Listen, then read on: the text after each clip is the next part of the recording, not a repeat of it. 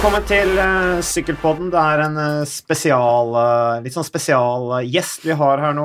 Rune Andersen, som har stukket innom studio. Du er jo tross alt fra Norge, Rune Andersen, men grunnen til at vi har invitert deg, er fordi at du sitter jo veldig godt i det når det gjelder det internasjonale antidopingarbeidet. Og da i lys av de siste dopingavsløringene under VM i nordiske grener i C-felt, med denne operasjonen Aderlas da med forgreininger til bl.a. sykkel, med Stefan Denifil og Georg Preidler, som er de som så langt da har blitt avslørt i den saken her, så syns vi det kunne være naturlig å invitere deg hit til, til Sykkelpraten, Rune Andersen. Takk skal du ha. Og så har vi hjelper til Magnus Aare. Eh, du kommer jo rett fra Paris-Nice. Eh, vi skal ikke inn på det her nå, for dette her blir det fokus på antidopingarbeidet. Og Rune, bare for å ta litt eh, Bare for å fortelle lytterne litt hvem du er, så har jeg notert litt her. Du var altså leder for Idrettsforbundets avdeling for etikk, idrettsmedisin og antidoping, og du må gjerne da arrestere meg hvis jeg sier noe feil her. Og så var du altså direktør da i WADA i ca. tolv år. Det stemmer. Du fikk jobben da rundt 2001-2002 da med ansvar Nå siterer jeg da det jeg har trukket ut fra, fra, det som jeg fant fra mediene fra den tiden. Du hadde altså ansvar for å høyne standarden på alt internasjonalt antidopingarbeid og for harmonisering av antidopinglovene og straffebestemmelsene i hvert enkelt land over hele verden. Og kan jo legge til at WADA ble startet i 1999, så det er en relativt historisk sett en, en relativt fersk organisasjon, mm. egentlig, vil jeg si. da.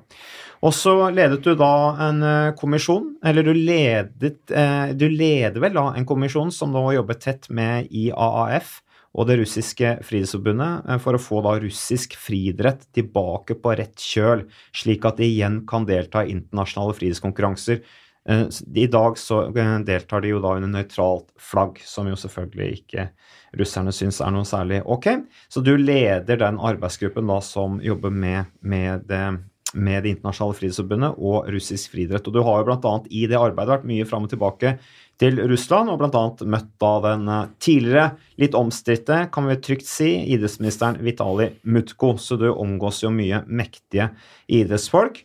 Og eh, IAF, i motsetning til WADA, har jo ikke opphevet utstengelsen av det russiske Friidrettsforbundet, bl.a. på bakgrunn av en rapport utarbeidet av deg, Andersen, og, ditt, og, din arbeidsgruppe, eller task force, som det omtales som da i, i mediene. Og det var Sebastian Coe som uh, spurte deg om å lede dette arbeidet med, med russisk friidrett. Men uh, nå jobber du i Antidop i Norge, gjort det siden uh, 2014. Uh, Flytta tilbake til Norge, og du har bl.a. et spesielt engasjement, da ansvar for utenlandske oppdrag og er spesialrådgiver da i Antidoping Norge. Sett litt med sykkeløyne. Det er viktig her på Sykkelpodden, og syns vi er interessant, vi kommer litt tilbake til det, så er du altså president da i CADF, som altså er det uavhengige antidopingorganet i internasjonal uh, sykkelsport. Så Rune, du har jo masse erfaring. Du er sannsynligvis den mannen i, i Norge som kan mest om antidopingarbeidet, særlig det internasjonale, det politiske spillet rundt og i det hele tatt. Uh, og som jeg nevnte, WADA ble startet i 1999, da som en konsekvens av dopingskandalen i Tour de France med Festina-saken. Vi kan vel kanskje si at det var uh, årsaken? Hva mener du, Rune? Ja, jeg tror det. Og det er viktig å, å påpeke at sykling var faktisk bakgrunnen for at WADA ble opprettet. Festina var jo i 1998, som dere vet. Uh, og pga. det som skjedde der, og pga. at politiet måtte trå til, så sa jo idretten til seg selv at dette går ikke lenger. Og andre sa det jo for så vidt også. Dette går ikke lenger. Vi må, vi må ta tak i dette. Og så fikk man da en konferanse, verdenskonferanse i 1999, februar, hvor man kom sammen med myndigheter fra hele verden. Og, og dannet da WADA. Um, satte inn 25 millioner dollar i IOC, og så sa de til myndighetene at nå må dere putte inn halvparten um, om et par år. Det trodde de aldri ville skje, for de ville ikke egentlig dele ansvaret med med myndighetene. Uh, men Så de, myndighetene, den konflikten var det allerede da? ja, myndighetene klarte å, å, å finansiere 50% av Walas budsjett eh, ganske tidlig. Eh, og da måtte man også dele på styreverv osv. Men det har vært en eh, konflikt eh, fra da av og faktisk til disse dager. Ja, for da tenker jeg jo grunnen til at det er interessant, er jo nå med det kampen om presidentvervet i WADA som pågår nå, bl.a. med Linda Hofstad Helleland, vi kan komme litt tilbake til henne, som jo kjemper for det presidentvervet, og som, hvor dette her med uavhengigheten er veldig viktig da, eh, fra, fra idretten. Men kan jeg Men- bare skyte med en gang? Hva tenker du om at de som hevder at WADA må være 100 uavhengig? Hvor, hvor står du igjen der? Altså, dette har fungert opp til øh, Hva skal jeg si Inntil, inntil Craig Reedy kanskje overtok. Um, Dick Pan var den første presidenten. Han var øh, ganske uavhengig av alle. Han kjørte sitt eget løp øh, til beste for, øh, for antidopingarbeidet. Det samme gjorde John Fahey, som altså var fra Australia, som var myndighetenes representant eller ikke representant, men han var utpekt og, og, og nominert av myndighetssiden. Og så kom da et IOC-medlem som nok har kjørt en mer IOC-vennlig tilnærming til dette. Eh, og det er det mange som har reagert på. Eh, og man har også sett politikk deretter.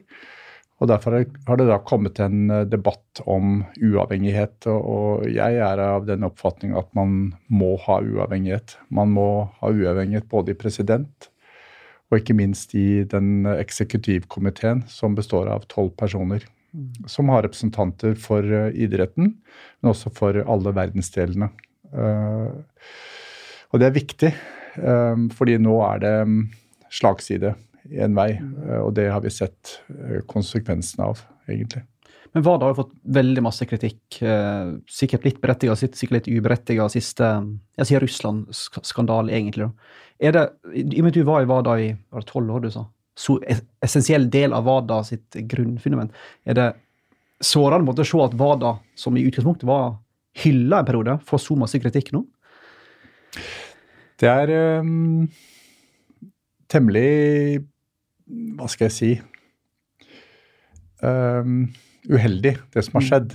Uh, fra faktisk uh, for et par, par tre, fire år siden. eh, hvor dette har blitt helt klart, uh, og hvor Russlands situasjon har kommet spesielt i, i, i, i bildet. Hvor vi har sett en slagside. Og det er jo trist for en som har jobbet og brukt tolv år av, av livet sitt til å prøve å få dette opp og, opp og gå. Jeg, var, jeg har jo vært ansvarlig for koden og for regelverket og for harmoniseringen av det. Og det har vært etter mitt syn veldig viktig å få, få på plass. Det fikk vi på plass. Det er jo på plass nå. Men øh, det er mange vurderinger av politisk karakter som gjøres hele tiden i det systemet. Eh, Og det har fått, fått en slagside, eh, sånn som jeg ser det. Men eh, Rune, nå er jo du Du nevner dette her at det er trist for deg å se det har blitt tolv år på livet, men, men hvor var antidopingarbeidet da før 1999? Hvordan så det ut da? Hvordan, hva har skjedd, skjedd på den tiden? Nei, det har skjedd veldig mye, og det var helt riktig av myndigheter og av IOC, som skal ha kreditt for det de gjorde i 1999, selv om de var, var tvunget til det på mange måter, um, å, å etablere WADA. Uh, husk at før 1999 så var det, så var det um, omtrent 300 ulike måter å, å analysere regelverket på. 300 ulike regelverk. Alle de internasjonale særforbundene, alle de ulike landene hadde forskjellige regelverk. Så man kunne tenke seg at en, en, en syklist dro til et OL og fikk eh, 300 eller 3000 sveitserfranc i bot for, eh, bruk, eh, for brudd på dopingreglene. Mens en eh, friidrettsutøver fikk fire års utestengning. Og de dro til det samme OL. Det vil si den ene fikk ikke dra, mens den andre dro. Så det var jo veldig skjevt alt dette, og da kom altså dette regelverket på plass. Som sa at hvis du har dopet deg, dette var til, til å begynne med, så får du to års utestengning for bevisst doping. Uh, og det skal gjelde alle, og alle må signere opp til dette. Det var det som kom på plass. Så det var kjempe, et kjempeløft for antidopingarbeidet da dette kom på plass i 2004. Ja, så Harmoniseringen av straffene og på en måte lovene har jo definitivt Der har det skjedd mye. Eh, der, der, har det jo vært resultater på den tiden. Og så er det jo da på en måte det som, det som henger igjen, eller som mangler, det er jo harmonisering av selve testarbeidet. For der er det jo store forskjeller, eh, selvfølgelig naturligvis også, eh, mellom nasjoner. Jeg tenker på da, sant, land i den tredje verden osv. som naturligvis henger etter. Men også på tvers av de ulike særforbundene. Så der, der er det vel uh, fremdeles et, et, ganske stort potensial. Det har du helt rett i, Mats. Det er um, et kjempepotensial for å gjøre ting bedre på det området. Det er egentlig det området hvor man har kommet uh, kortest per i dag.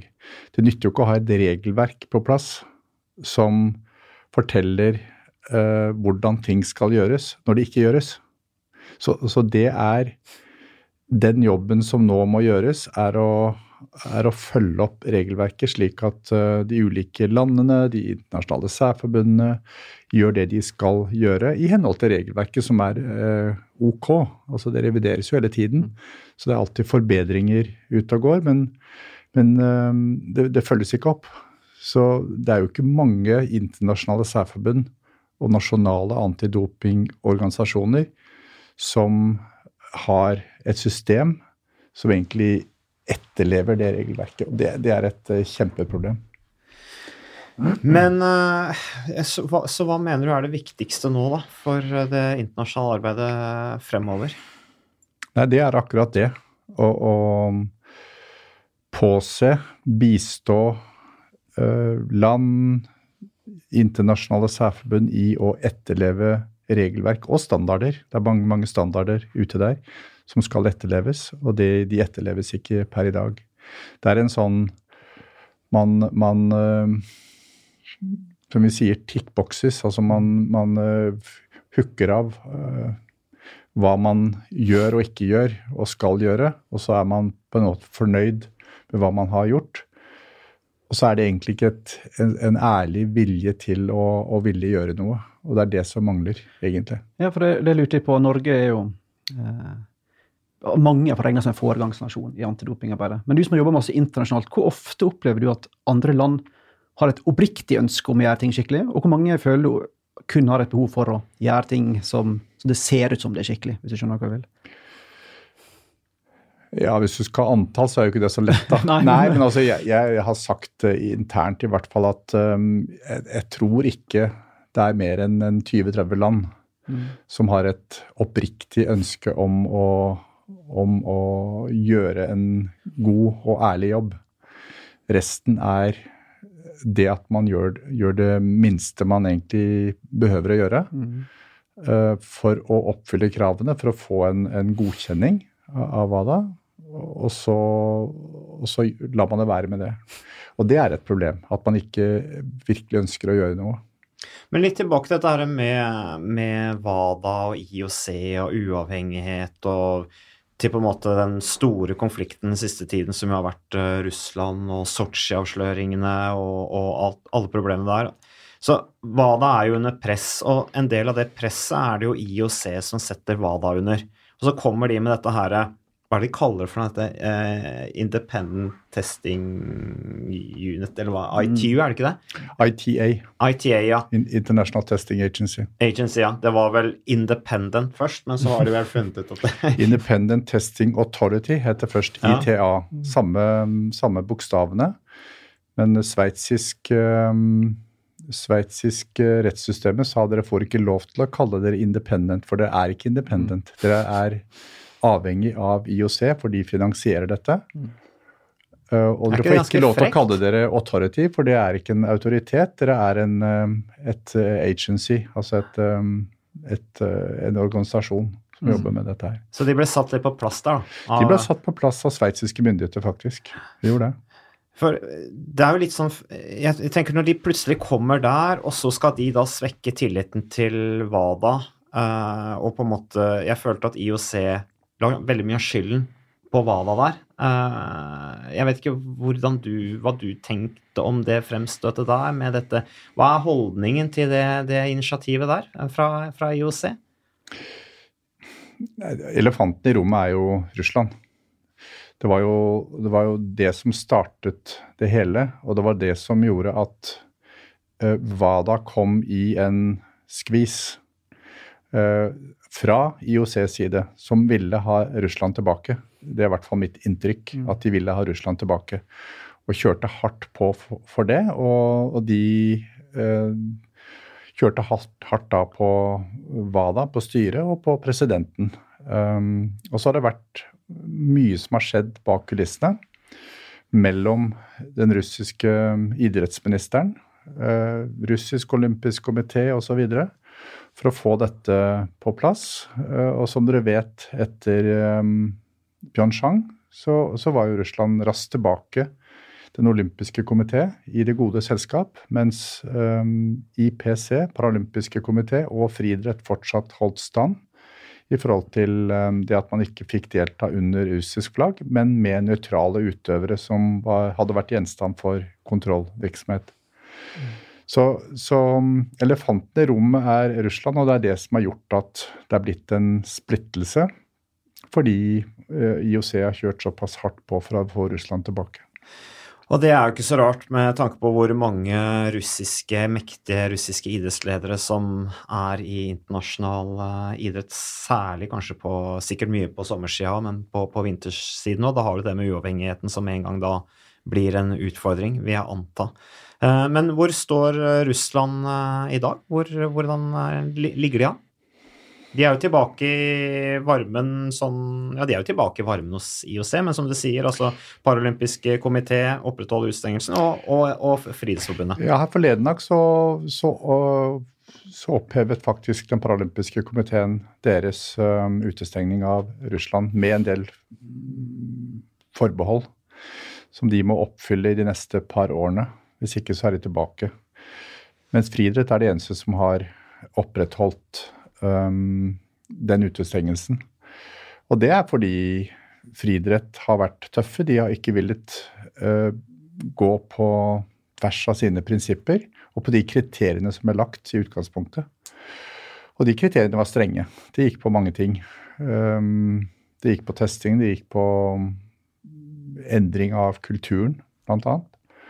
Um, og det er de i ferd med å, å, få gjort noe med men ikke alt er på plass. Blant annet så ønsker vi å se at de testene som var gjemt på laboratoriet i Moskva, nå blir gjenstand for en skikkelig undersøkelse. Og det er det vi er i, i ferd med å, å se, se, på nå. Men Jeg så et intervju med WADA-presidenten for ikke lenge siden. Da ble han spurt om hvorfor eh, det var så viktig for IOC å få Russland tilbake i varmen. Og sånn blant annet fordi det er stor, et stort land med stor økonomisk eh, potensial. Betyr det implisitt at det ville ikke vært så viktig hvis landet var litt mindre og ikke hadde så stor rolle å spille i det kommersielle bildet i idretten? Tolker jeg det riktig da? Ja, det er i hvert fall veldig mange som sier det. Mm. Eh, jeg vil ikke si det, men det er, det er, veldig mange i det miljøet som jeg ferdes i, som, som sier akkurat det. Dette hadde aldri skjedd hvis det hadde vært Trinidad og Tobago, som var, eh, som var den, det landet som var utestengt. Da hadde man latt det være inntil de hadde oppfylt de kriteriene til punkt og prikke. Og det gjorde jo ikke Russland. De uh, gjorde jo ikke det da de ble reinnsatt i, i, september i fjor. Da fikk de komme tilbake. Og WADA gikk da på tvers av de prinsippene og de, det veikartet de hadde egentlig satt opp tidligere. Hva tenker du da om de som eh, holder med Russland, som sier at eh, vi er utsatt for ei heksejakt, og en ser det samme statsstyrte dopinga i, eh, i, en del afrikanske land, i, i østeuropeiske land, i Kasakhstan altså, De trekker fram veldig mange andre eksempel. Har de et poeng, eller er det ved siden av poenget? At mange andre er akkurat samme, men slipper billigere unna? Jeg tror det er veldig, veldig enkelt å glemme hva dette dreide seg om. altså, man, man, man uh, snakker om at det er urettferdig, og, mm. og, hvorfor bare mm, plukke ut oss, sier jo da folk i, i Russland. Altså Utgangspunktet er jo en systematisk uh, måte å gjøre dette på, som hadde grener i statsapparatet. Det vet vi jo. Og det har rapportene uh, vist at det, det, var det. Så langt opp som i hvert fall til viseidrettsministeren eh, Nagornik. Og det må man ikke glemme i dette. Så kan man si vel, vel, finnes det andre land, så, så må man gjøre tilsvarende der. Da må man ha rapporter, man må gjøre en, en undersøkelse på dette. Man må få klarhet i situasjonen. Og akkurat det samme må skje med andre land hvis man kan påvise tilsvarende brudd på regelverket. Dette var jo en bevisst måte å omgå reglene på, eller for å bryte reglene, rett og slett. Ikke bare omgå. Og, og produsere utøvere som var dopet, eh, og som, som vant mm, mye. Husk på hvor, hvor, godt Russland gjorde det i Sotsji. Og det var der de egentlig fikk sitt siste utspring med bytting av prøver på laboratoriet osv. Mm. Iscenesatt av, av det, det hemmelige politiet. Har du møtt Rotsjenko, f.eks., altså denne laboratoriesjefen som nå har flyktet til USA og lever i skjul der? Mange ganger. Ja. ja. Men ikke etterpå. Ikke etter at han, eh, ikke etter at han har, eh, han har eh, flyttet til, til USA. Har du sett denne filmen? Hva heter den filmen igjen? Ikaros. Uh, Ikaros, Har du sett den nå? Ja, ja. du, du, ble underholdt? Ja, det, det var interessant, interessant uh, lesning, det. Nei, altså, det var interessant å se. Mm. Men uh, det er, det er Du håper Men ikke overraskende. Det er ikke overraskende? Nei, du ble ikke overrasket? Nei, nei overhodet ikke. Nei. Det ble ikke det. Det er, det er, litt som Jeg blir ikke så veldig overrasket, jeg heller, jeg må jeg innrømme. Men jeg blir litt nysgjerrig. Hva slags inntrykk fikk du av Radsjenko første gang du møtte han? Slags person var det? Han er en spøkefugl. Altså, han, er en, han snakker godt engelsk, mm. i motsetning til mange andre i, i Moskva. Han, Jeg har truffet ham på mange konferanser, på møter. Jeg traff ham også på laboratoriet i Moskva i forbindelse med min jobb som WADA-ansatt. Eh, ja, når traff han unnskyld at jeg avbryter, når traff han første gang? For det er jo litt interessant, For han fremstår jo nå med helt andre klær. For han var jo tross alt laboratoriesjef, han kjempet på en måte for ren idrett, var det inntrykket han ga. Uh, og var jo i miljøet som kjempet for ren idrett. Du traff han sikkert også lenge før disse avsløringene kom. Altså, Stolte du på han? For han har jo også lurt han har jo også lurt alle, det sier jo også russerne at han er ikke, han er ikke troverdig, forsvarer de seg med, da. Jo, jo. Nei, jeg, traff, jeg kan ikke huske når jeg traff den første gang. Det må ha vært tidlig på 2000-tallet, tenker jeg. Han var jo laboratoriesjef og var med. Han var en god, god vitenskapsmann, er jeg blitt fortalt. Jeg har ikke greie på det, men det er folk fortalt. Men da drev vi noe med systematisk lureri på det tidspunktet. Det gjorde han jo. Men vi var jo ikke klar over det, selvsagt. Vi trodde han var en person som fulgte de reglene som skal følges i, i um, laboratoriestandarden til, til WADA. Så, så, det um, hadde jo ikke vi anelse om. Jeg hadde jo heller ingen aning om da jeg var WADA-direktør. Uh, da vi kom til Russland og undersøkte hvordan det sto til. Det var, alt var jo bare fryd og gammen. Det var jo helt topp moderne alt det de gjorde på dopingtesting, alle de systemene som skal være på plass, var på plass. Så det var jo ingenting vi kunne se som var, som var galt. Mm.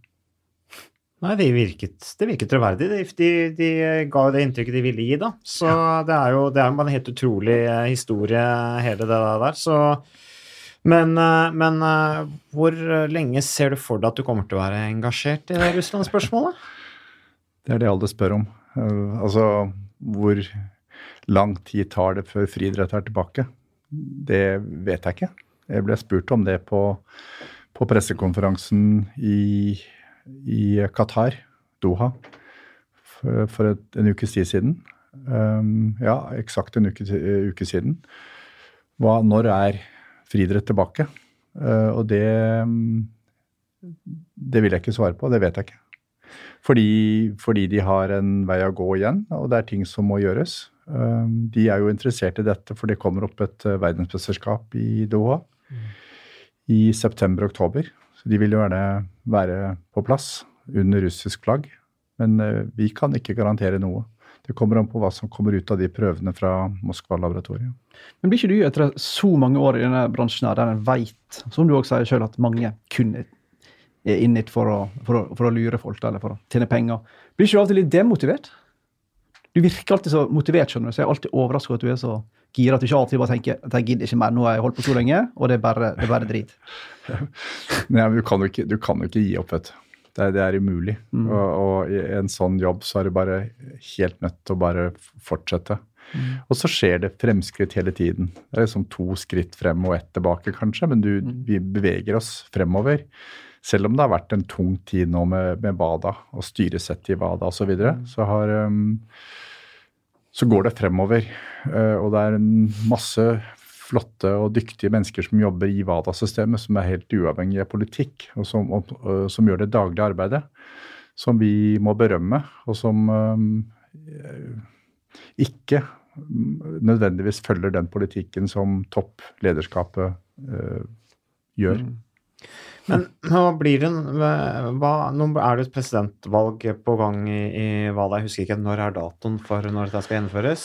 Det er i november. Ja, November. Uh, slik jeg syns det ser ut sånn, så blir det han polske idrettsministeren, eller hva han Vitol Banka. Banka, ja. uh, som, som ser ut til å kanskje ha de beste kortene til å gå til, til topps der. Linda Hofstad Helleland kjemper jo som bare det, men, men vil det bli noe endring under uh, polske Banka? Har du noe inntrykk av, av han? For det første så er det ikke avgjort. Uh, hvorvidt Banka er um, frontrunner, det, det er helt åpent. Det er tre kandidater som vi kjenner til per i dag. Det er altså Banka og Helleland og Marcos Dias fra Den dominikanske republikk.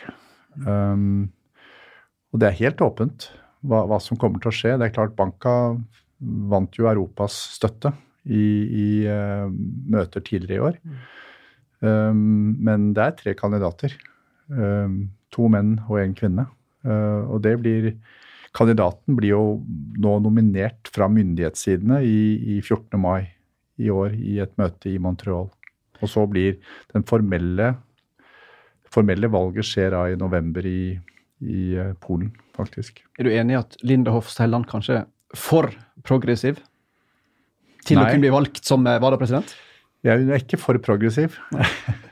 um, I hvert fall ikke Det er første del av setningen min. Og så spur, spurte du om 'til å bli valgt'. Altså Det kan man jo alltid diskutere, hva, hva, men hun, hun har gjort de riktige tingene, etter mitt syn, i forhold til å fortelle hvor landet ligger. Altså Hun er, er verdi, verdibasert. De andre har gjort det riktig kanskje i forhold til å bli valgt. Uh, og spørsmålet er er det det riktige. Du må stå på det du mener er riktig, og ikke nødvendigvis bare snu vinden etter kapp... Nei, kappen etter vinden, heter det. Kappen etter, etter vinden for å, for å vinne et valg. Husk på det at utøvere er ikke nok involvert i det som skjer i WADA. Der har uh, Helleland stått på. Mm. Demokrati, uh, åpenhet, ikke minst i forhold til styrepapirer osv. Så, videre. så det er en rekke ting som hun har påpekt som er helt, uh, helt nødvendig for å, få, for å, få, dette på rett kjøl igjen. Jo, jeg, jeg, mistenker, jeg misforstår meg rett. Jeg mistenker bare at, at Vitol Banka, som framstår som en mye mer pragmatisk type, holder seg inne med begge sider, mens, mens, Linda har et mye mer som du sier, da, verdibasert syn på ting, og kanskje vil møte motstand hos uh, hun, hun fremstår kanskje mer som en trussel, ikke sant? Ja, ja det er det inntrykket jeg sitter igjen med, da. Men, um, jo, men hun, sier, enig, hun sier, at hun kan ikke gå på bekostning eller på, nei, nei, på tvers av, av, sine verdier. Da får det heller være, mm. sier hun. Da får det heller la være å bli valgt. Og det er jo et, Man kan jo diskutere det, den innfallsvinkelen, men sånn er det. Og det er jo prisverdig at noen tar den uh, belastningen det er faktisk å, å stå på hva man mener er rett. Mm. Nei, Linda Hofstad Helleland er er jo, veldig offensiv, nå skjer det jo veldig mye. Jeg syns for så vidt det som skjer nå er litt interessant, for jeg har holdt mye foredrag rundt dette med doping og egentlig alt det, alt det man snakker om nå, med å definere doping som svindel og kriminalisering og mm. få politiet på banen og sånn, og dette med økt uavhengighet. Det er for så vidt noe jeg har snakket om i snart ti år, så det er interessant å se at den, den lever ennå. Men, men, hva tenker du om, om dette med nå eh, tettere samarbeid mellom eh, politi, kriminalisering av doping, i lys av de dopingavsløringene vi har hatt da. Vi, vi, snakker, vi var inne på Vestina-skandalen 1998. Da, da på en måte sprakk bobla i sykkelsporten. Det var politiet som kom på banen den gang. Eh, ransakte da en følgebil eller en eh, støtteapparatet som var på vei over til Tour de France-starten i Irland. En belgisk eh, Willy Vott, var det ikke det, mm. som, som, da hadde bilen full av EPO og veksthormoner og hva det man trengte for disse tre ukene. og så var det da, da Da kom den største, virkelig store fangsten. Du hadde Ben Johnson og sånn før det, men det var en positiv test. Mm. Her var det ikke en positiv test, det var rett og slett et fullt av dopingpreparater da tett på, på et sykkellag. Og da, da, sprakk bobla. Og så har du da etterpå så har du Balco, du har eh, Puerto, du har eh, Armstrong, du har eh, Men Armstrong var jo i USA da. Ja, men det, er jo, det kommer jo på bakgrunn av FBI-etterforskning osv. Så, mm. så, så arbeidet der er jo mye tyngre enn enn det som Altså, pondusen er noe helt annet enn det som idretten har kunnet Eh, bruke da, hva gjelder etterforskning og, og, og, og myndighet til å avsløre. Jo, og det tror jeg er et veldig viktig poeng. Hvis du ser på de sakene du, du ramset opp nå, så er vel konklusjonen at det å ta dopingprøver Du nevnte Marion Jones. Hun leverte jo, avleverte jo hundrevis av prøver. Det samme med Lance Armstrong. Ble de tatt av en positiv prøve? Nei. Hva, hva skjedde i 1998 Uh, Tour de France? Ble de tatt av positiv prøve? Nei. Mm. Så når du spør om hva må skje videre, så er det helt åpenbart, sett fra vår side, at det må flere og sterkere eh, virkemidler til for å få gjort noe med dette. Og da går det på lovgivning, det går på det apparatet f.eks. politiet har til å, å, gjøre ting som man ikke har i idretten. Man har jo ikke rett og lov til å, å undersøke en bag eller hva det måtte være i, innenfor uh, vårt regelverk. Det tilligger politiet å, å, ha de virkemidlene. Se på hva som skjedde i Seefeld. Der gikk politiet inn uh, i, i en razzia. Det er noe vi aldri kunne gjort. Vi må pent banke på døren og be om en, en prøve. Så det er ikke noe tvil om at eh, altså myndighetssiden må mer på banen. Lovverket må uh, konstrueres slik at politiet har myndighet og, og, mulighet for å gjøre noe med dette her. Det er helt uh, avgjørende, og dette skjer jo nå i flere land. Dette skjer i USA. Der er de i ferd med å endre, i hvert fall å se på endring av lovgivning. Så jeg tror det er nødvendig.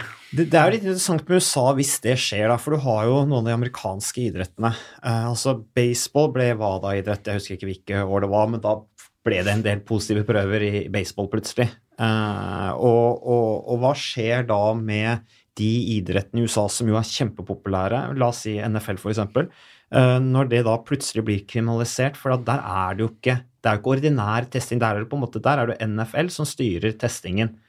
Eh, så, så hva, vil da, hva, vil da, skje? Altså det, det kan jo føre til dramatiske ting, da, vil jeg anta. Jeg vet, ikke hva som kommer til å skje i USA eh, dersom de endrer lovgivningen. Altså, for det er riktig som du sier, de eh, amerikanske ligaene, de er jo ikke de er jo ikke omfattet av WADAs regelverk. Altså, de har sagt at vi er private bedrifter, og vi gjør som vi vil. De har jo et testprogram, men det er det ingen som har kontroll på. Og, oppfølgingen, straffeoppfølgingen er jo så som så. Altså det er noen matcher som de blir utestengt. ikke sant? Noen konkurranser som de får utestengelse fra. Det er jo ikke på, i nærheten av det som koden legger opp til. Så hva som kommer ut av det dersom de gjennomfører lovgivningen i USA, det vet jeg ikke. Men det er i hvert fall fremtiden sier, slik jeg tolker det, fremtiden er at det er en tettere samarbeid mellom antidopingmyndigheter og, og politiet? Ja, og det er noe som, eh, noe som, eh, som idretten eller som antidopingorganisasjonene i større og større grad legger vekt på nå for å få det samarbeidet. Noen antidopingorganisasjoner har jo faktisk øh, lagt seg inn under myndighetssiden for å få den myndigheten at de kan, som politiet har, f.eks. At politiet utleverer informasjon om hva som skjer. Um, er man en frittstående og uavhengig organisasjon som er utgått fra idretten, så er det vanskeligere å utveksle informasjon. Det har noe med mm, regler som gjelder i samfunnet om personvern osv. Som, som er vanskelig å, å endre på. Når vi var inne på på um, Puerto og Adelas, disse her uh, operasjonene der politiet går inn, razzia, og beslaglegger da bl.a. i begge tilfeller en haug med, med, blodposer. Så vet jeg jo at, at veldig mange eh, er frustrert over at Operasjon Puerto, som altså skjedde i 2006, ikke har resultert i så veldig masse, bl.a. pga. et litt sånt komplisert spansk eh, juridisk der blodposene ikke kan bli, bli eh, uh si, offentliggjort eller navngitt, bl.a. fordi uh, foreldelsesfristen har gått ut. og holdt på nå i 13 år, er det vel, og fortsatt er det kun bare et uh, fåtall syklister som har blitt navngitt der. Tror du at vi er på en måte i samme Jeg tror det er bekymring om mange at, at Adelas, der du visstnok har 40-50 ulike blodposer, tror du vi kan, vi kan, få det samme at det egentlig aldri kommer ut? Eller er antidopingkamp et annet stadium nå, der vi faktisk vil få vite ting? Kanskje vanskelig for deg å svare på, men jeg tenkte jeg, jeg, jeg håper, jeg, Det er vanskelig, men jeg håper i hvert fall at det er på et annet stadium mm. enn at dette blir liggende i, altså i 15 år, eller hva det måtte være, som de blodposene i, i uh, Operasjon Puerto. Mm. Um, som for så vidt man jobber med fortsatt. For man har jo gjort tiltak, så vidt jeg forstår, i WADA-systemet som gjør at dette Altså man man har en foreldelsesfrist, men uh, den er opphevet fordi man har gjort noe. Ja. Altså iverksatt tiltak, og da går Før fristen er utgått. Før fristen ja. er utgått. Mm. Så jeg tror ikke den saken er over enda, men de jobber med det. Men jeg tror at dette um, er i ferd med å endre seg. Jeg tror man, man ser fra myndighetssiden at det er viktig å komme på banen og, og gjøre noe. Apropos Puerto, så er jo jeg tror for mange i sykkelmiljøet har en oppfatning av at en tar doping seriøst i, i sykkel, men så er det en del større idretter, som f.eks. fotball og tennis, som på en måte bare eh, slipper unna fordi de er så mektige. Er det en oppfatning som har grobunn i noe faktisk, eller er det bare sånn spekulasjoner fra, fra sykkelfans om at sykkel er en sånn enkel eh, De vil gjerne dra med seg andre i dragsuget, ja. på en måte. Er fotball beskytta, f.eks.? Eller? Men det, hvis du ser på det at idretten selv skal ta hånd om dette mm. generelt, da, i de internasjonale særforbundene, er ofte sagt at de, de, har, de, har, ikke noe ønske om det. Mm. Fordi at det bare er dårlig PR. altså hvorfor skulle man bruke masse penger, avsløre doping, få dårlig eh, omtale fordi at det er mye doping i, i de idrettene? Um, pluss at man har saker gående i domssystemet, man har saker gående i kassystemet. Det, er, det er dyrt. Det er jo noe som er iboende. Uh, tenk deg på friidrett f.eks. Hvis um, Usain Bolt hadde blitt tatt for, for, doping. Det hadde vært ganske katastrofalt for omdømmet til friidretten. Deres gullgutt. Um, de har vært tøffe. Friidrett har faktisk vært tøffe i forhold til deres testprogram. Så han er blitt testet og, og gjennomgått um, en rekke tiltak for å, å, å avsløre eventuelt doping, og det, det, har man ikke klart. Uh, men idretten er ikke noe interessert. Derfor sier vi det må være uavhengige organ som ser på dette her. Og Derfor har jo friidrett uh, etablert sitt uavhengige organ. Det har også sykling gjort. Men uh, tilbake til Puerto-saken. altså Det er jo, som Magnus sier, det er kun syklister som har blitt avslørt i den saken der nå. mix, Til tross for åpenbar ja, til fotball. av tiltak, mm. ikke sant. Uh, i, i, italienske Koni, olympiske komiteen, som har testet Valverde med DNA-prøver osv., linka det. Men, men er, er, nå sitter jo WADA, det siste jeg hørte om den Puerto-saken, som, som, er en sånn evig greie som alle snakker om, masse konspirasjonsteorier i forbindelse med den også, uh, er det sånn at Uh, nå er det vel sånn at WADA faktisk sitter De har analysert det som skal analyseres. De sitter på navn, men de kan ikke gå ut med de. At det er der liksom den, det ligger en sånn juridisk tvist. da.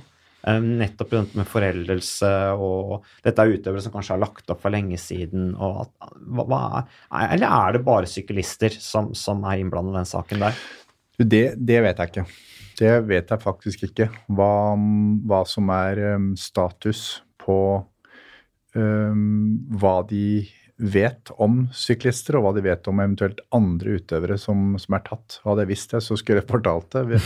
Men, uh, men det, jeg vet faktisk ikke hvor langt de er kommet. Men jeg, jeg vet at på styremøter i Vada så er stadig Puerto oppe. Det er på en måte en post i, i um, rapporteringen som dere kan også finne på hjemmesiden til WADA lese, ved å lese um, referatene. Eh, Oppdatering fra operasjon, på Puerto. Så, men får, det blir jo da spennende å se om det kommer noe. Men, men Rune, tilbake til sykkel. Altså, du sitter jo som president i da CADF, dette uavhengige antidopingorganet til sykkel, og du sier at det er friidrett og sykkel som så langt har skikkelig uavhengige antidopingorgan, da, eh, som, som har på en måte skilt seg fra, fra sine særforbund. Eh, Hvordan, eh, når du er på styremøter hos CADF, eh, hvordan er, hva er agendaen da? Hva snakker dere om? Vi snakker om øhm, uh, alt som har med antido antidoping å gjøre, naturligvis. Altså vi, vi har jo et budsjett. Vi har faktisk en, um, en såkalt funding committee, uh, som består av de profesjonelle lagene, ryttere og UCI, selvsagt, og arrangørene som spytter i penger i, i den budsjettet vårt som vi, som vi har til rådighet. Ca. ja, hvor mye er det? Cirka 10 millioner sveitserfranc, tror jeg. Som vi har til rådighet, og som vi skal forvalte. Og da går det jo på det som er et vanlig antidopingprogram. Hvordan forvaltes disse pengene? Hvordan brukes de? Antall tester, antall blodprøver, blodpass, og ikke minst etterforskning og, og innhenting av informasjon i de ulike miljøene. Og der har vi hatt, har vi hatt suksess i forhold til å finne ut av hva som skjer. Folk som forteller oss hva som foregår i de ulike eh, lagene, landene osv. Eh, Så dere sitter på altså Det du sier nå på slutten, at dere sitter på altså en del vars, altså varsling du snakker om nå? Ja, varsle, vi har en eh, varslingskanal som gjør at ryttere kan eh, ringe eller melde fra til oss konfidensielt om hva som skjer i, i ulike lag. Så dere sitter og går gjennom de varslene, eller? Ja, ja. Ja. Vi gjør det. Går det an å spørre om det? Ikke, ikke jeg. Nei. Det er administrasjonen som gjør det. Ja. Jeg, har ikke, jeg har ingen aning om hva som foregår i, i praksis. Vi bare vet at det systemet fungerer, og at det systemet resulterer i at man, eh, man får luket ut folk som jukser. Og så er dette med blodpass, eh, Rune.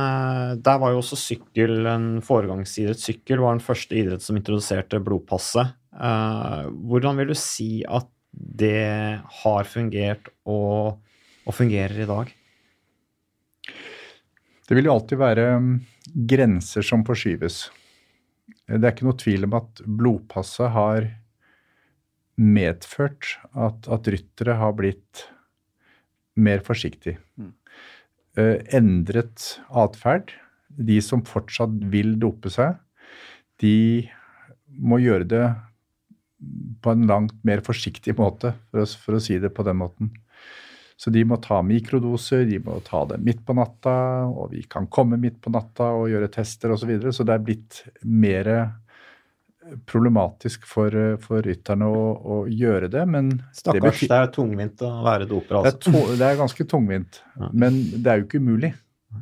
Um, og det ser du også på det som skjedde i C-felt. Altså man kan faktisk bloddope seg med, ved å ta ut sitt eget blod og sette det tilbake. Og det var store doser i tillegg. Det var ikke bare mikrodoser, det var jo ganske store. Mm. Ja, ja, Mm. ja. men eh, jeg snakker om mikrodose med EPO. Mm. Ikke sant? Har du store doser der, så blir du tatt i, ja, i kontroll. Faktisk en vanlig urinprøve kan jo avdekke det, Mm. eh, men også i blodpass. Uh, Mens, uh, mens eh, bloddoping, altså gjeninnsetting av ditt eget blod, som du har tatt ut eh, en måned tidligere, det er vanskelig å oppdage. Også i, i blodpasset, faktisk.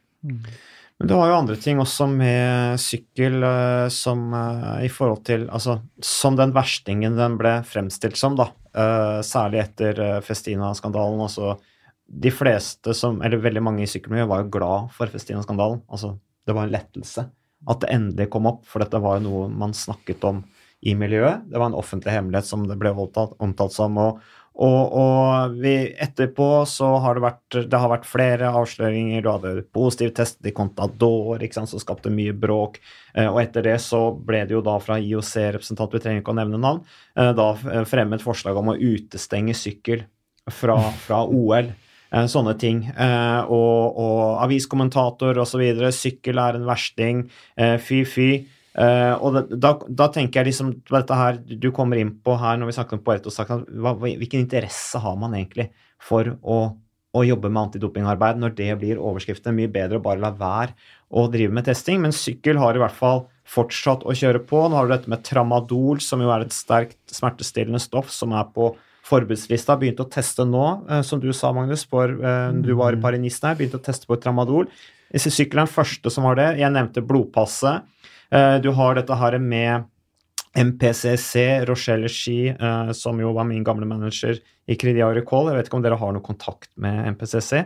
Det er jo en helt annen eh, frivillig organisasjon. Men så har du dette her med medisinske fritak, som jo har vært ganske mye debattert da, i, i forbindelse med denne saken rundt, rundt da Fancy Bears, russiske hackinggruppa, mm. eller hva man skal kalle det. Eh, som da gikk inn i WADAs systemer og fant ut at det var flere utøvere, inkludert Bradley Wiggins, som da hadde fått disse TUE, altså Therapeutic Use Exception, eh, da liksom skremmende tett på viktige idrettskonkurranser. Eh, og hva er ditt syn på dette med medisinske fritak, sånn som det er i dag? Og de sakene der, hvis du kan komme inn på det, de. Det er jo mye, det er mye drøftet internasjonalt, dette med medisinske fritak utnyttes det, er jo spørsmålet. I enten i Sky Team eller i, i andre lag, i land. Eh, jeg vet at uh, når jeg har hatt møte med den russiske idrettsministeren tidligere, og nå visestatsminister Mutko, så har han hele tiden påpekt at i Norge så er det veldig mye bruk av astmamedisin. jo, men altså det er, det er um, det er ting man biter seg merke i i utlandet. Og det er uh, kanskje flere medisinske fritak enn i andre land. I, i Russland har de få. Kina har de få. Um, så, så det er en mistenksomhet i hvordan dette gjøres.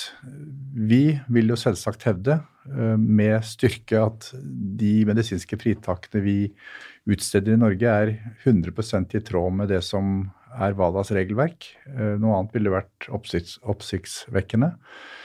Eh, men det er en diskusjon om det systemet kan utnyttes. Altså er det medikamenter som brukes uten at man, eh, man egentlig har behov for det? Og, og, brukes det eventuelt i større doser enn det, enn det som uh, man bør gjøre i forhold til hva som er en terapeutisk dose som legen forskriver? Når det gjelder tramadol, så mm, er det jo bare sykling som har forbudt det. Eh, sykling og CADF har um, gått løs på WADA ganske lenge for å få WADA til å sette det på listen, fordi det brukes i sykling mye, men også i andre idretter. Det er et sterkt uh, uh, smertestillende stoff. Um, men WADA har ikke villet sette det på listen enda. Um, og da har sykling tatt skjeen i sin egen hånd og sagt at det vil vi forby. og Derfor er det nå mm. testing for det ved hjelp av oss i CADF. Vi foretar uh, ekstra innhenting av, av, urin for å få foretatt de testene. Det er jo unektelig bra at en tester for det, men det er ikke litt um, ikke litt dumt for systemet? Men når enkelte idretter da føler behovet for oss altså VADA er ikke med på at de mener at det oppfyller ikke alle kravene nødvendigvis til at det skal på forbudslista. Så sier sykkel ja, men da får vi bare fikse det sjøl.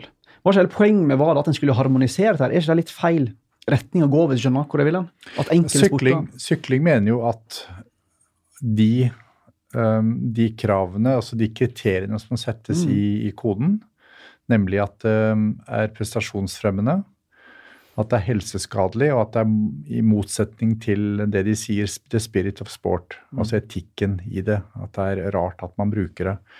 To av de kriteriene må være oppfylt.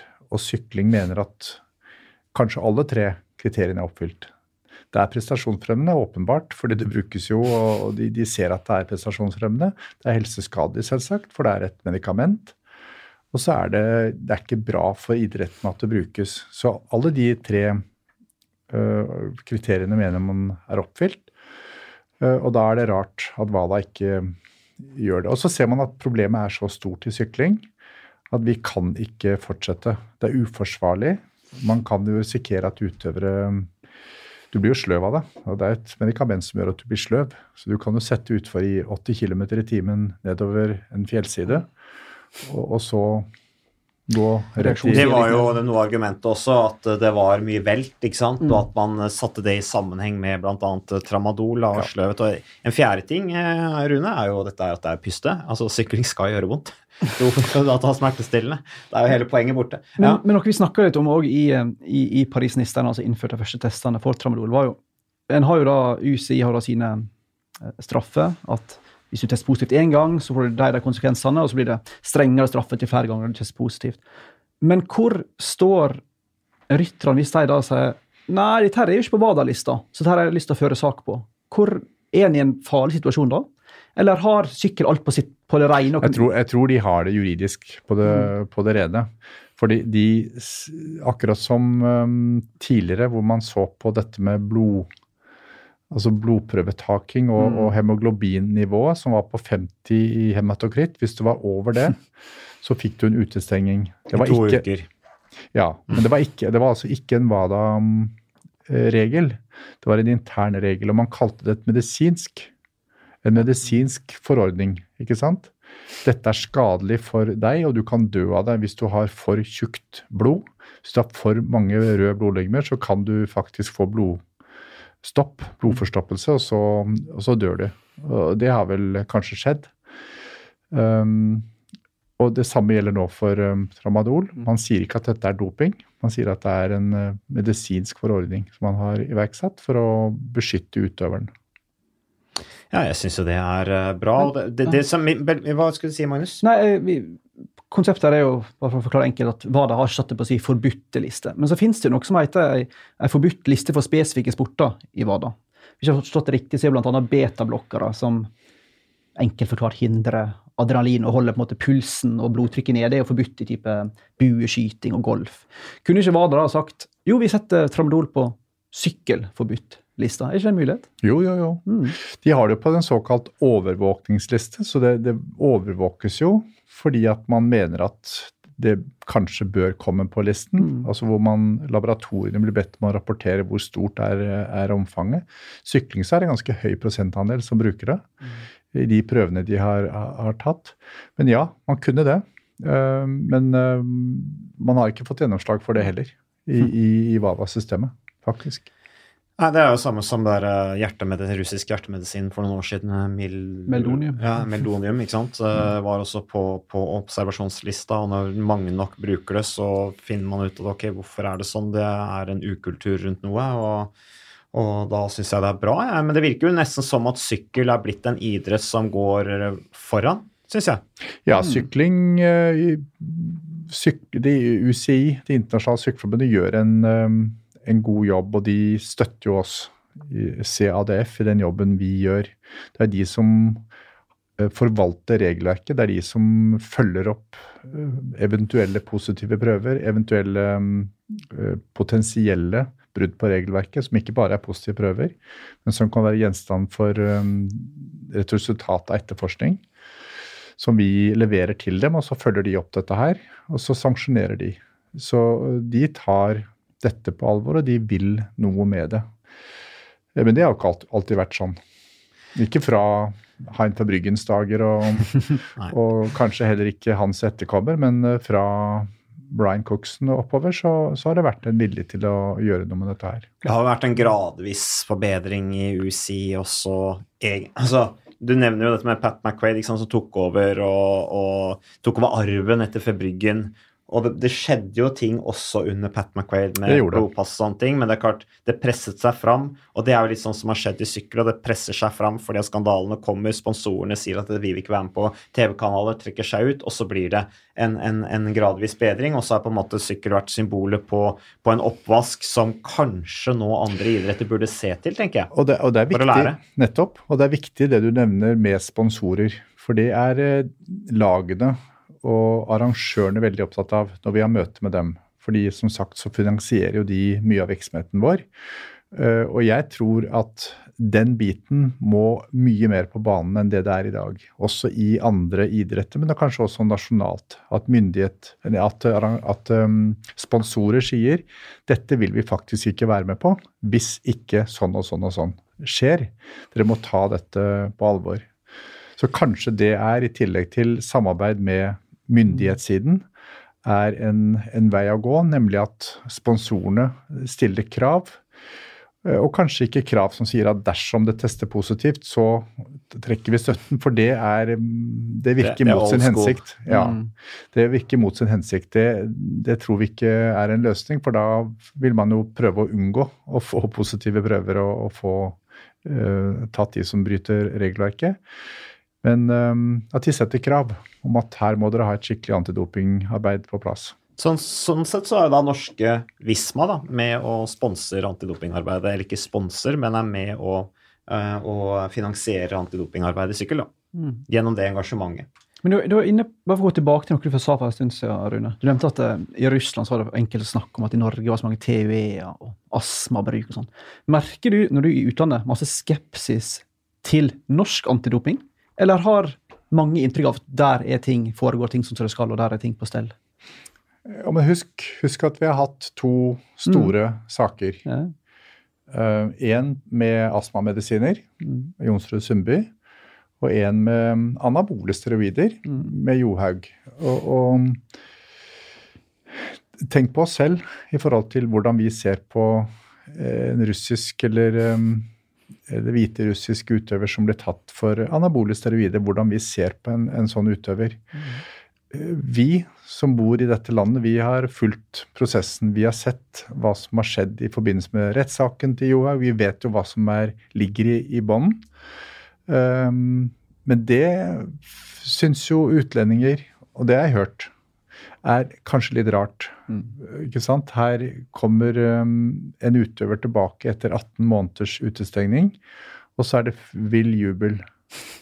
Um, mm. Jo, men altså det, Folk stusser jo på det og på vår mentalitet, og vi kan forsvare hvorfor det er sånn, fordi vi kjenner bakgrunnen osv. Vi har vært med på hele mediedekningen av en, en rettssak. Men eh, det har jo ikke utlendinger. De har bare sett at Kass har sagt det er 18 eh, måneder. Så vi, det er nok um, ting vi bør tenke på. Mm. Jeg syns jo at vi Det har vel gjort noe med norske mentaliteten, de to sakene du nevner her også, i forhold til dette med nyanser rundt også når utenlandske utøvere tester positivt og blir tatt. Har de ikke det, da? Ja, det jeg syns jeg merker det, i hvert fall. Akkurat nå i forbindelse med skandalen i Seefeld, der du får en syklist som da uh, uprovosert, ifølge han sjøl, innrømmer å ha tatt ut sitt eget blod. Han heter Georg Preidler. Um, og vi skal, altså De er jo sjøl skyldige i, på TV 2. og andre, Da skriver vi Han har sagt jeg har ikke tatt noe som helst, jeg har tatt ut blodet mitt. Så kan du tro på det om du vil, da. Men da skriver vi bl.a. innrømme bloddoping som jo åpenbart er feil. Jeg føler ikke Vi nordmenn setter oss veldig nøye inn i utlendingers saker. Du sier at han var blodgiver? ja, det kan godt hende. Jeg føler ikke at det er en stor mentalitetsskift i det norske publikum. Jeg føler store majoriteten av de vi møter gjennom vår jobb i media, men òg i privat sammenheng, tror at norske dopingsakene det var kun uhell. Uh, har ingenting med systemsvikt å gjøre. Og jeg føler ikke folk har et behov for å sette seg inn i Georg Preiler sin saker eller Justin Gatlin sine dopingsaker. Det føler jeg, men det er selvfølgelig mitt synspunkt. da. Men jeg føler ikke at det er sånn mentalitetsskifte i det norske idrettspublikummet. Det føler jeg ikke. altså. Nei, det er mulig. Det er mulig. Men, sånn, sånn mm. sett så er jo det klart, reglene er jo litt firkanta. Mm. Og det er jo et dilemma, fordi eh, systemet vårt i Norge, det er et system som er bygget på at vi har et ganske omfattende etterforskningssystem som trår i kraft når man eh, avleverer en positiv prøve, eller andre typer potensielle brudd på dopingreglene. Eh, det har man ikke nødvendigvis i andre land. Der er det kanskje en kort prosess på at testet positiv, anabole steroider, det er liksom da man eh, ut Problemet med koden, som, som er det regelverket som, som, settes, som benyttes her, det er jo at um, man man kan ikke diskriminere. Altså Man må ha likt regelverk for en norsk utøver og en uh, usbekistansk utøver. Um, fordi rettssystemet til syvende og sist skal dømme utøveren for noe. Uh, og da kan man ikke si at ja, men jeg tror på legen. Eller ikke tror på legen. Altså hvordan skal man Det er lett å ofre en lege i um, La oss si at man har brukt dette bevisst. Man sier da ofrer vi deg som lege, og du står på at dette er gitt um, ubevisst og, og uvørent til en utøver. Mm. Så du forsvinner ut, og så blir utøveren frikjent i en rettssak. Det kan man ikke ta sjansen på, og derfor har man et regelverk som er veldig rigid, uh, på godt og vondt. Uh, og, og det rammer jo utøvere som har tatt noe uaktsomt, ikke sant? Mm. Og som uh, havner i, i, det man havner i da. Vi har holdt på en stund, Marius. Hvis ikke det, er et veldig, ja. det skal være et veldig godt et veldig, spørsmål. Okay. Så nå har du press på deg. Jeg har ytra min frustrasjon i tidligere sykkelpodder over at um, både publikum, men først og fremst um, eksperter på ulike idretter, er så sjokkerte hver gang det er en dopingsak eller dopingopprulling. Og Nå har vi vært innom både Balco, Puerto, Festina og Lance Armstrong. Har du som har vært i denne bransjen så mange år, noen gang blitt overraska eller sjokkert over ting som har kommet fram? Eller har du på en måte hele tida tenkt at dette har vi jo visst foregått i alle år? Eller har du tatt med sengen noen ganger og sånn Oi, er det sånn det egentlig foregår i skisporten? Nei, jeg er ikke overraska. Aldri? Jeg er ikke det. Det er um Husk på at vi vet mye mer enn det dere vet. vi, ja, har, du har ikke sagt noen ting her på den podkasten. Nei, det, men, det, men det, det, gjør vi selvsagt. Ja. Vi, vi, vet hva som, mye av det som foregår, og, og, plutselig så kommer det i det offentlige rom, og så blir folk overrasket ja. over det. Men uh, vi er jo ikke så veldig overrasket, vi, da, over at ting skjer.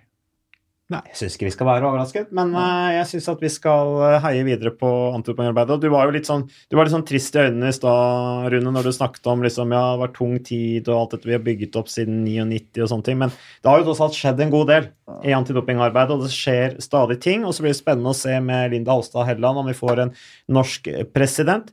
Og så takker vi Vi lar jo alltid gjesten få si siste ord, så hvis ikke er noe mer du vil legge til der, Rune, så tror jeg vi skal takke for oss. Den er god. Takk for besøket. takk, takk.